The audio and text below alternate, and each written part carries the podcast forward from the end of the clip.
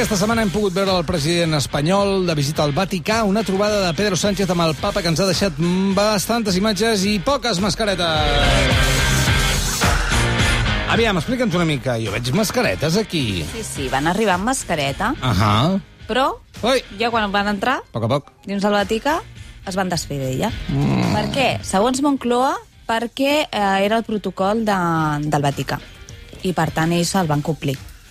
Eh, ni mascareta, ni distància de seguretat, i, de fet, al marxar, l'esposa de Pedro Sánchez, el president, que l'acompanyava en aquesta visita, va agafar la mà d'una persona amb la que no conviu per baixar els esglaons que la conduïen eh, cap al cotxe.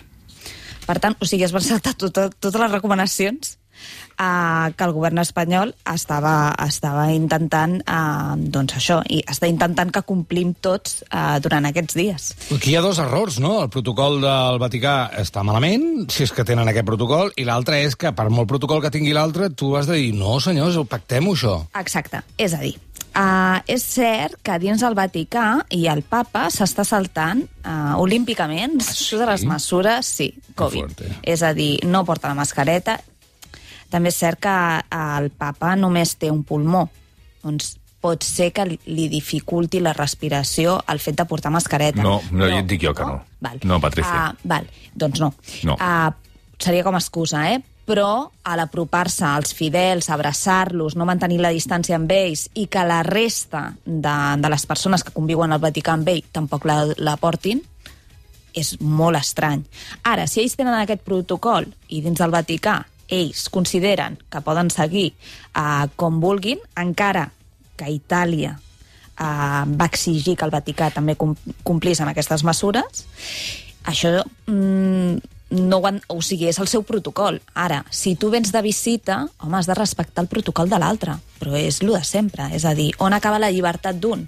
On comença la de l'altre. Per tant, si jo tinc un protocol uh, Covid dins les meves fronteres, el que no puc fer és, quan vagi de visita a un altre país que també està en les mateixes circumstàncies, malauradament, que està a Espanya, doncs uh, que prescindeixis de totes elles, no? que te les saltis. Mm. No, no, després és, és que no ho entenc, vull dir, no ho entenc. sempre, que després parlarem de l'altre cas, no? que també eh, doncs, ha generat molta polèmica de la festa de l'Espanyol, però és allò de...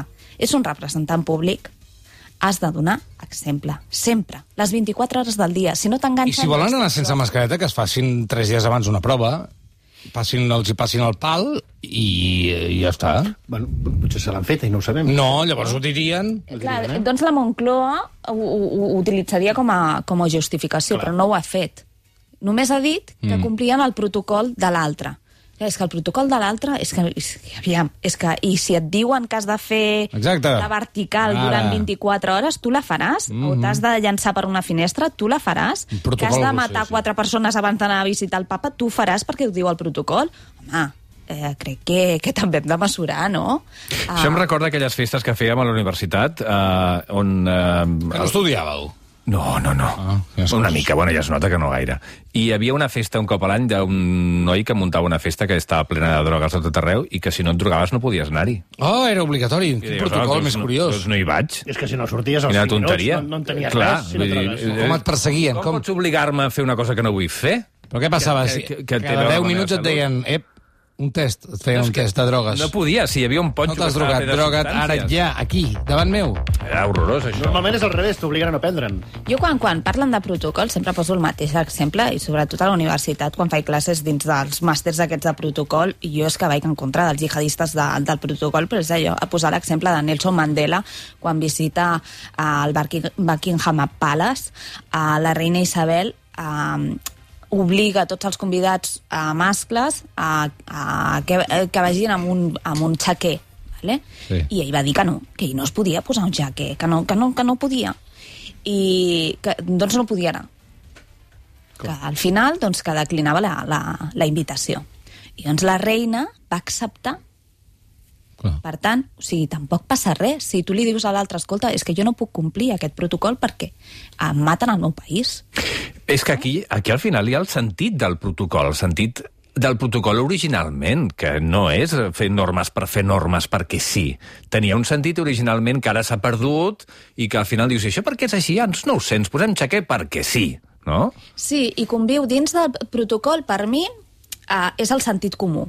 Per mi el protocol és el sentit comú. Ara, és cert que hi ha una part de, dels que es dediquen al protocol que encara doncs, tenen allò, estan una mica obsessionats amb les tradicions, no? Que són més papistes que el papa, mai Exacte. millor dit, en aquest Exacte. cas. Uh, però, aviam, és que és una qüestió de respecte. És a dir, tu has de respectar el protocol de l'altre, però també has de respectar el protocol que tu tens. Uh -huh. Per tant, aquí han de conviure les dues, les, les dues mesures. I la, I la cultura de dir sempre que sí, no? Quan hi ha poder per mig, dius, escolta'm, eh, també respectar-te a tu mateix també és respectar a l'altre. No, jo per aquí no puc passar, ja, hem de trobar un acord, això ens fa evolucionar, però si no, Clar, qui es salta el una protocol? mania de no dir que no. Qui es salta el protocol o qui se'l salta de manera més fàcil? És cert que al Vaticà és molt complicat que algú se salti el protocol.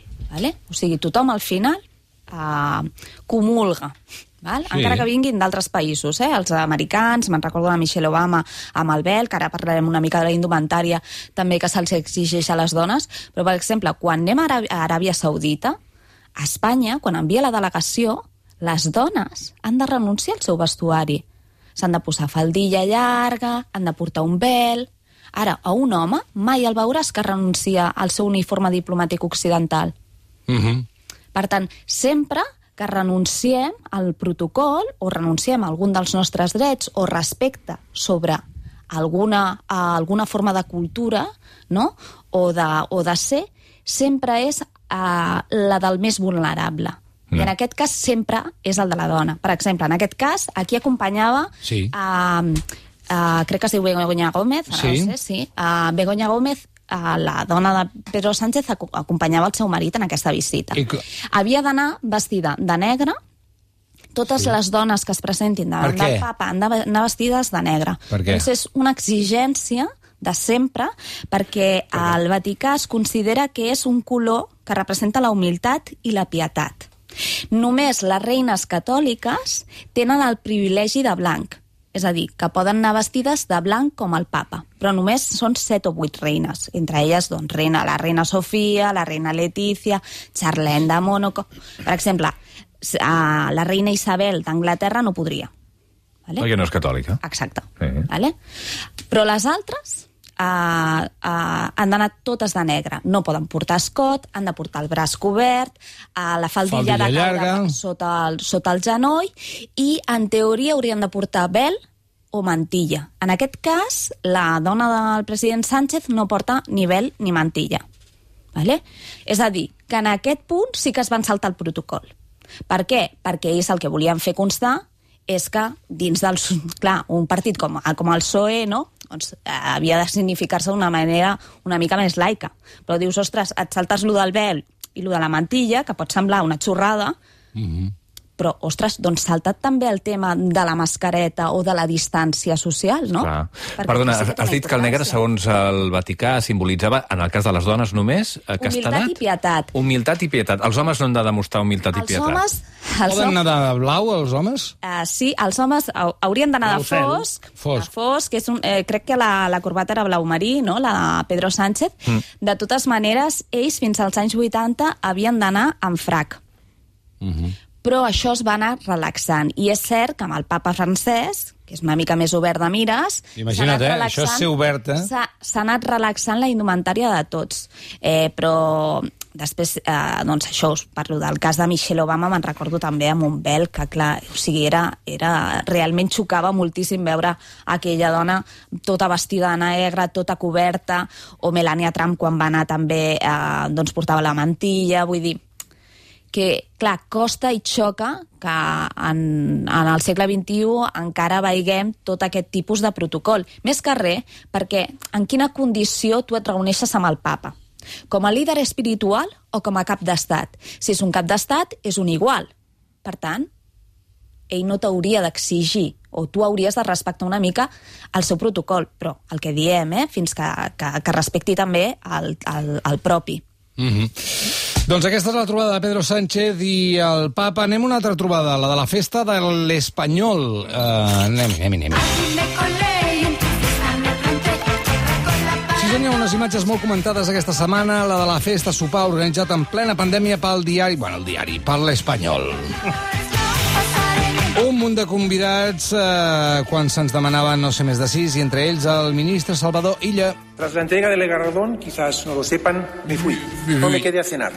Muchos ciudadanos no lo han entendido. Y quiero decirles que tienen razón. Es verdad que se cumplía con las reglas y se cumplía con las distancias. No es verdad. Pero tienen razón. No. Que hasta en los actos en que se cumplen todos los requisitos es mejor evitarlos. No és veritat que es La complien distància eh, totes les eh, regles. Com a mínim, a l'entrada potser sí, però després, un cop estàs a dintre, t'aixeques, saludes, estàs... Veiem a la gent en corrillos, com diuen en castellà, 3, 4, amb una distància d'un metre. Això no és complir el que, el que se'ns demana a més nosaltres. bàsica, per què se salten la de que no poden reunir-se més de sis persones? I a més Pedro J em va fer molta gràcia perquè deia, bàsica. deia s'excusava dient només hi havia el 33% del... No, no, és que no va de tants percents, va de número total de persones. Punto pelota, no t'has vist la... No era una obra de teatre, Que això, si eh? conviviu o no conviviu, que esteu menjant, que us traieu la mascareta. Està, sí, no, sí. és que si, haguéssim, uh, si ho haguéssim vist de veritat, ells es treien la mascareta perquè hi havia beguda o menjar davant. Sí, sí, però uh, o sigui, la taula era Ara més, mateix no es pot fer amb això. més persones Punto. i no es pot. I, i, I és que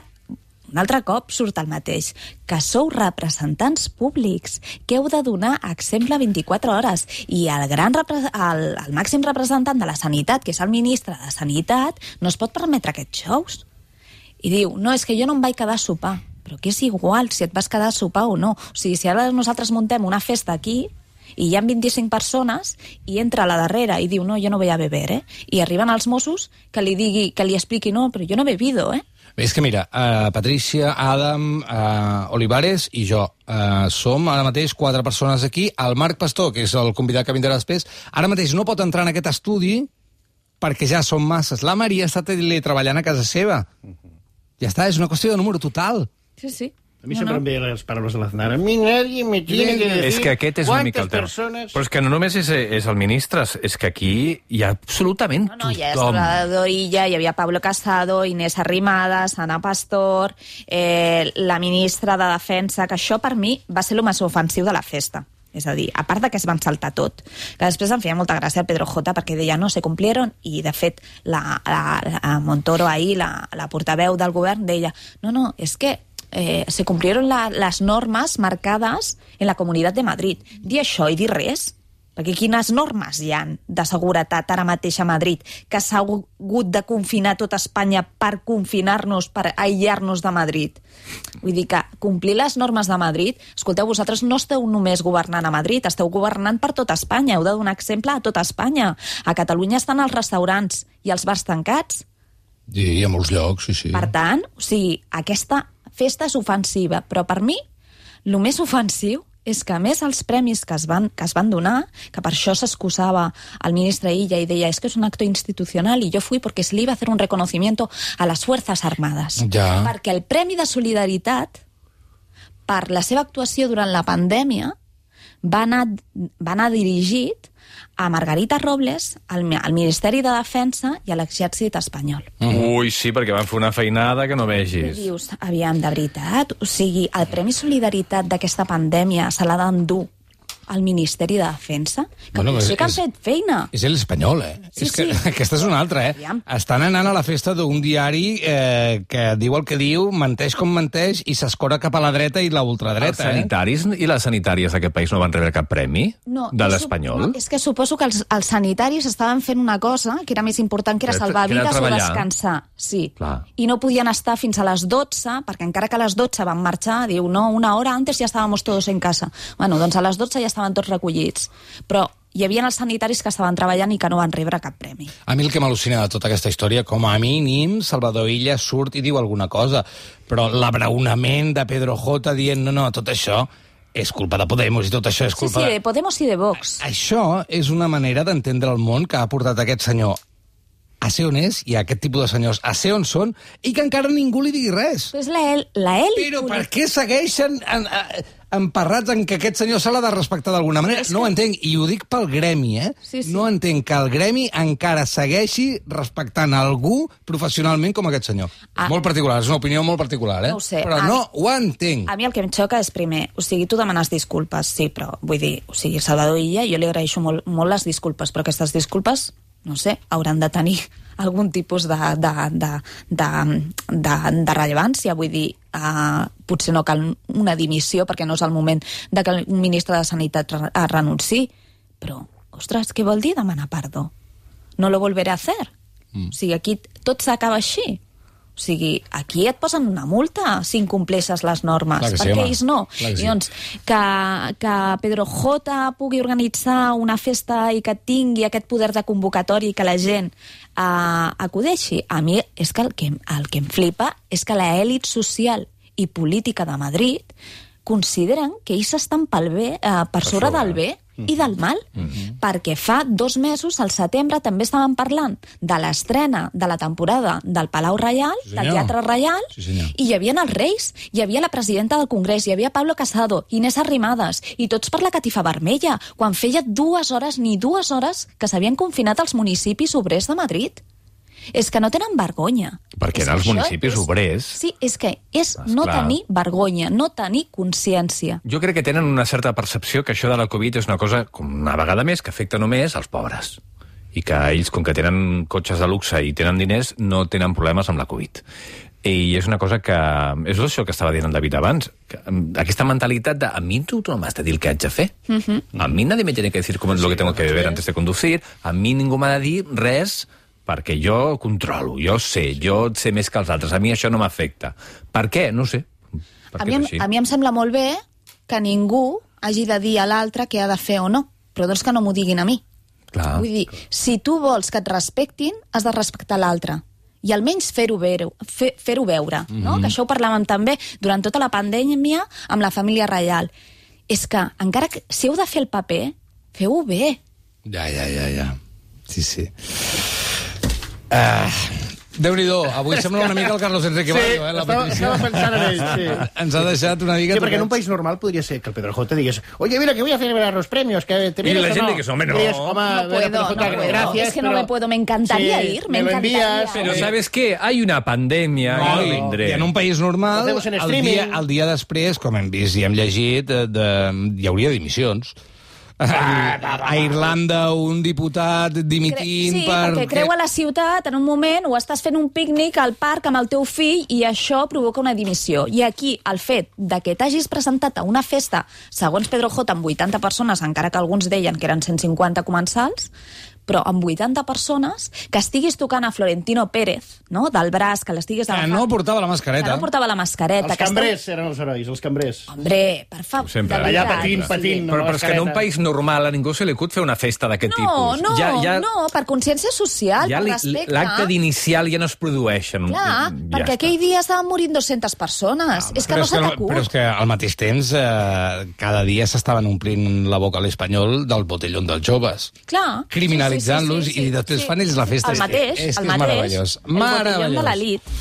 Un aplaudiment per la Patricia Centeno. Avui, avui has estat molt bé. És Ai, la que mascareta bé. que és diferent, eh, Rosa? És rosa, la mascareta.